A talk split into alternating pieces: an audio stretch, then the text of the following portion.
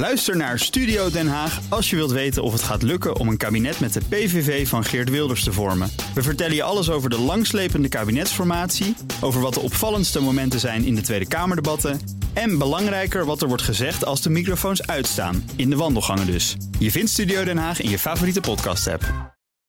De column van Marianne Zwagerman.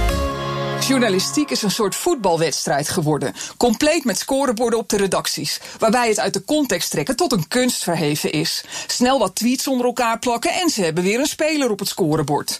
Is dat nou waar je van droomde toen je naar de school voor journalistiek ging? Vroeg ik de redacteuren van dienst toen ik weer slachtoffer werd van deze tweetplakjournalistiek. Ik twitterde afkeurend over de mierzoete liefdesfoto's die de dochter van Marco Borsato al sinds haar twaalfde jaar deelt op Instagram. Marco noemt haar vriendje, die meegaat op familievakanties, mijn schoonzoon.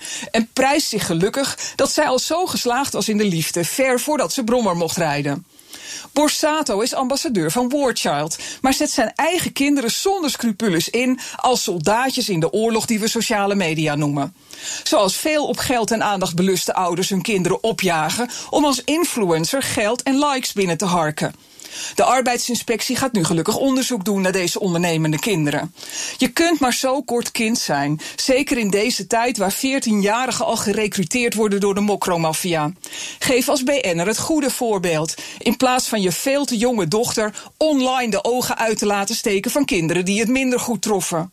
Dat is allemaal te veel context voor moderne journalisten. Die sloegen mijn boodschap plat tot zwagerman walgt van Borsato. Dat is schadelijk, lasterlijk en ergerlijk. Gelukkig ben ik niet licht geraakt genoeg om naar de rechter te stappen.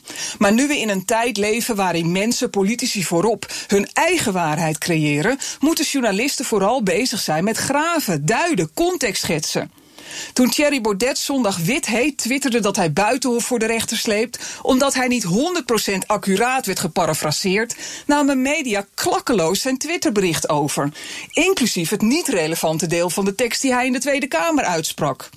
Het kostte mij twee minuten om uit het transcript van het Kamerdebat even de teksten te screenshotten en twitteren die wel van toepassing waren.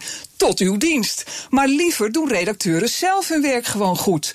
Ze moeten niet in het zwaard vallen dat politici gebruiken om mensen te misleiden met hun slim geknipte filmpjes vol sluwe one-liners. Wie waakhond van de democratie wil zijn, gedraagt zich niet als kopieermachine.